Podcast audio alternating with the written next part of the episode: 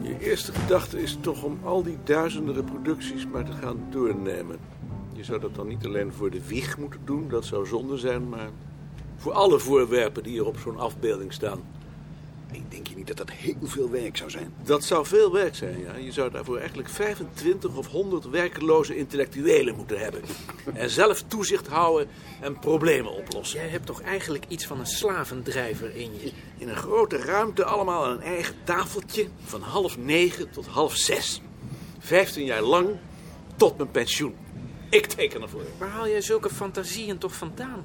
Dat is mijn socialistische opvoeding. Moeten ze soms ook nog een pet op hebben? Ja, en die moeten ze in hun hand houden als ze met een probleem bij mijn tafeltje komen. Bart, ik heb nog iets voor je. Een aanzichtkaart die ik van Flip de Fluiter heb gekregen.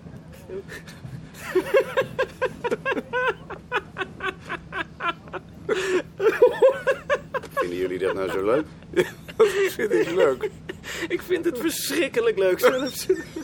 Kun je dan niet eens uitleggen wat daar leuk aan is? Een man met een hoed en een varken. Bart, Nou, nee, dat kan ik niet.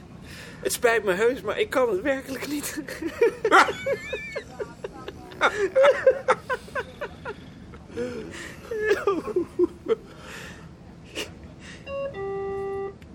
Beste staaf, zozeer als mijn brief jou heeft verrast, zozeer heeft je antwoord dat mij.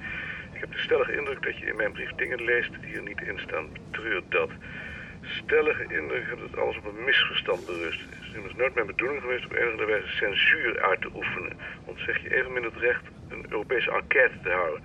Het enige wat ik heb verweten, dat je mij niet van tevoren op de hoogte hebt gesteld, zoals immers ook was afgesproken, zodat ik bijvoorbeeld door middel van een nood had kunnen aangeven dat ik als secretaris van de Europese Atlas niet bij deze enquête betrokken ben. Nu dat niet gebeurd is, heb je mij in een scheve positie gebracht ten opzichte van mijn medebestuursleden.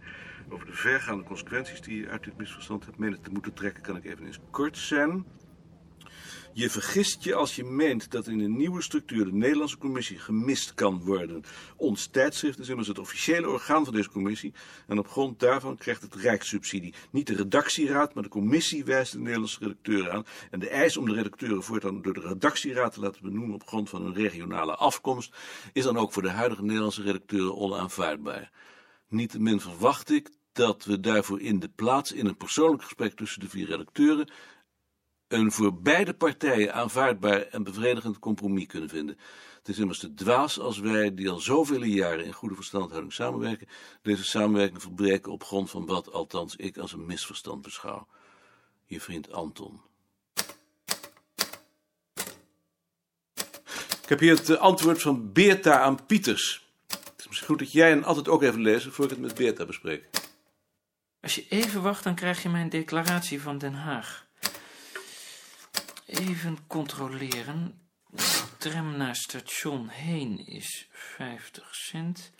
1 treinretour Amsterdam-Den Haag, tweede klasse is 11 gulden 20.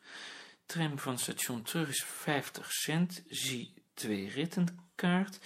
Totaal eh, reiskosten 11 gulden 20 cent. Plus 2 maal 0,50 cent is 12 gulden 20 plus 1 vertering. De posthoorn Den Haag is uh, 1 chocomel is 1 gulden 60. Zie bon.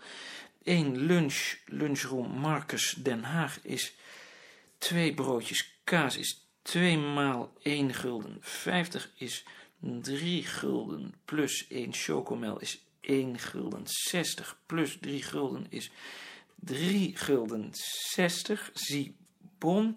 Totaal 0,50 plus 0,50 plus 11 gulden 20 plus 1 gulden 60 plus 3 gulden plus nogmaals 1,60 is 0 plus 0 plus 0 plus 0 plus 0 plus 0 is 0. 5 plus 2 plus 5 plus 6 plus 0 plus 6 is 24. 2 onthouden. 2 plus 1 plus 0 plus 1 plus 3 plus 1 is 2, 3, 4, 7, 8, 1. Maakt totaal 18 gulden 40 cent. Is dat zo? Ja. Klaar. Het eh, antwoord van Beerta aan Pieters. Misschien kunnen Ad en jij dat ook even bekijken. Heb je mijn brief al gelezen? Ik heb hem aan Bart en Ad gegeven. Hebben jullie hem al gelezen? Ik heb hem nog niet gehad. Ik zal hem lezen. Wanneer kunnen we er dan over praten? Ik zal hem nu gaan lezen. Dan ga ik eerst maar even naar de directeur. Koning, Ach, meneer Koning. De Vries hier. Er is telefoon voor meneer Beerta. Is die bij u? hij komt eraan. Telefoon voor je. Met Beerta? Ja. Er zijn er vanochtend weer een paar bijgekomen, dus het zijn er nu al bijna 200. Maar we hebben maar 160 stoelen. maar Karel toch, er zijn toch ook oude mensen bij? Die kan ik toch niet op de grond laten zitten? Je bent niet serieus. Nee, dat zijn niet allemaal oude zakken. Ik ken geen oude zakken. Nou, ik zit er maar mee.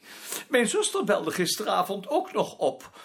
Of ik wel genoeg eten had besteld. Want Jan is net op een congres geweest. Daar werden de tafels bestormd omdat er niet genoeg was. Nee, want als mensen weten dat ze het voor niets kunnen krijgen, dan eten ze thuis niet. Ja, zo zijn de mensen. Nou, nee, nee, maar ik moet weer aan het werk. Ik moet nog naar de directeur. Goed. Ja, dat zal ik doen. Dag. Je moet de groeten hebben van Karel. Dank je. Heb je te veel aanmeldingen voor je feest? Ik heb nu al bijna 200 aanmeldingen en er is maar plaats voor 160. Ik wil wel wegblijven. Ik vind het een ramp, zulke feesten. Dat zou ik je bijzonder kwalijk nemen. Je moet dat maar voor me over hebben. Ik vertelde het aan mijn schoonmoeder. En die, ze- en die zei... Ach, die man is niet goed bij zijn hoofd geworden. Je schoonmoeder is dan ook niet uitgenodigd.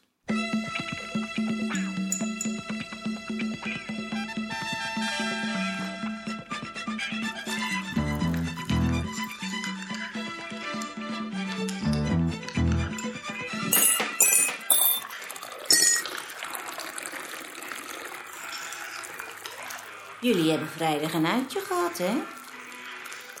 Wat heb je zeker van Ad gehoord? En die directrice, hoe heet ze ook weer? Die had nog nooit van jou gehoord? Nee. Ze is trouwens geen directrice, maar ze weet ontzettend veel. Ik had haar naam opgekregen. Maar ze wou je eerst niet ontvangen. Nee, maar ik vond haar wel aardig. Ze had aardige ogen. Oh, ze had aardige ogen. Nee, dan begrijp ik het. Nou zeg, ze had aardige ogen. Misschien vond ze ook wel dat jij aardige ogen had. Misschien wel. Waarom niet? Nee, laat maar. Jij gaat toch zeker ook naar het feest van Beerta? Ik zou wel moeten. Lijkt het je dan niet leuk? Het lijkt me eerlijk gezegd een ramp. Het lijkt mij ontzettend leuk. Al die gekke mensen bij elkaar. Zou je niet meevallen? En als Pieters nu eens niet bereid is een compromis te sluiten? Hij zal wel een compromis sluiten. Tot nu toe heeft hij altijd een compromis gesloten. Maar als hij nu eens geen compromis wil sluiten? Er kan helemaal geen sprake zijn van een compromis. Als hij dit voorstel niet intrekt, dan treden we wat mij betreft uit de redactie van ons tijdschrift. Zie je, daar ben ik nu zo bang voor. Dat wij straks mede verantwoordelijk worden gemaakt als de commissie besluit om een eigen tijdschrift te beginnen. Daar hoef je echt niet bang voor te zijn. Daarvoor stelt Pieters veel te veel belang in de samenwerking met Nederland. En toch ben ik er bang voor. Dat kan toch nooit een overweging zijn als je moet beslissen of je ergens wel of niet moet blijven? Je laat je toch niet ringeloren omdat je bang bent dat je er dan zelf voor opdraait? Maak je nu maar geen zorgen. Het komt heus allemaal wel weer in orde. Je zult zien dat als we er eenmaal over gesproken hebben, dat Pieters dan inziet dat hij te ver is gegaan. Hij kan toch ook het geld niet missen? Wij betalen de helft van de exploitatiekosten. In ieder geval vind ik dat Jaring en Freek ook bij dit gesprek moeten zijn, want het is een zaak die de gehele afdeling aangaat. Jaring is er niet. Het is geen zaak van de afdeling, het is een zaak van Maarten en mij. En wij vragen jullie om advies.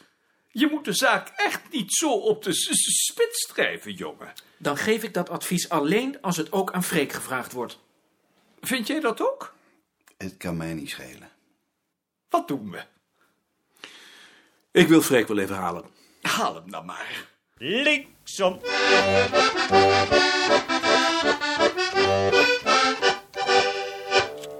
We praten over een brief van Beerta aan Pieters over het voorstel van Pieters om de structuur van ons tijdschrift te veranderen. En we willen graag dat jij daar ook bij bent. Ik? ik dus ik absoluut is er niet van het. Bart is bang dat de consequentie zal zijn dat we straks uit ons tijdschrift treden en dat jullie dan mede verantwoordelijk worden voor een nieuw tijdschrift. Dat zie ik helemaal niet in.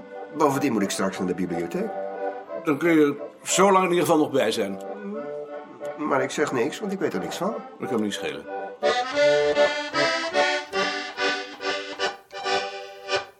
Misschien kan Freek de brief eerst lezen? Ik volg het zo wel. Laten we dan maar beginnen. Deze brief is het uiterste waartoe ik wil gaan. Ik wil tot elke prijs in ons tijdschrift blijven.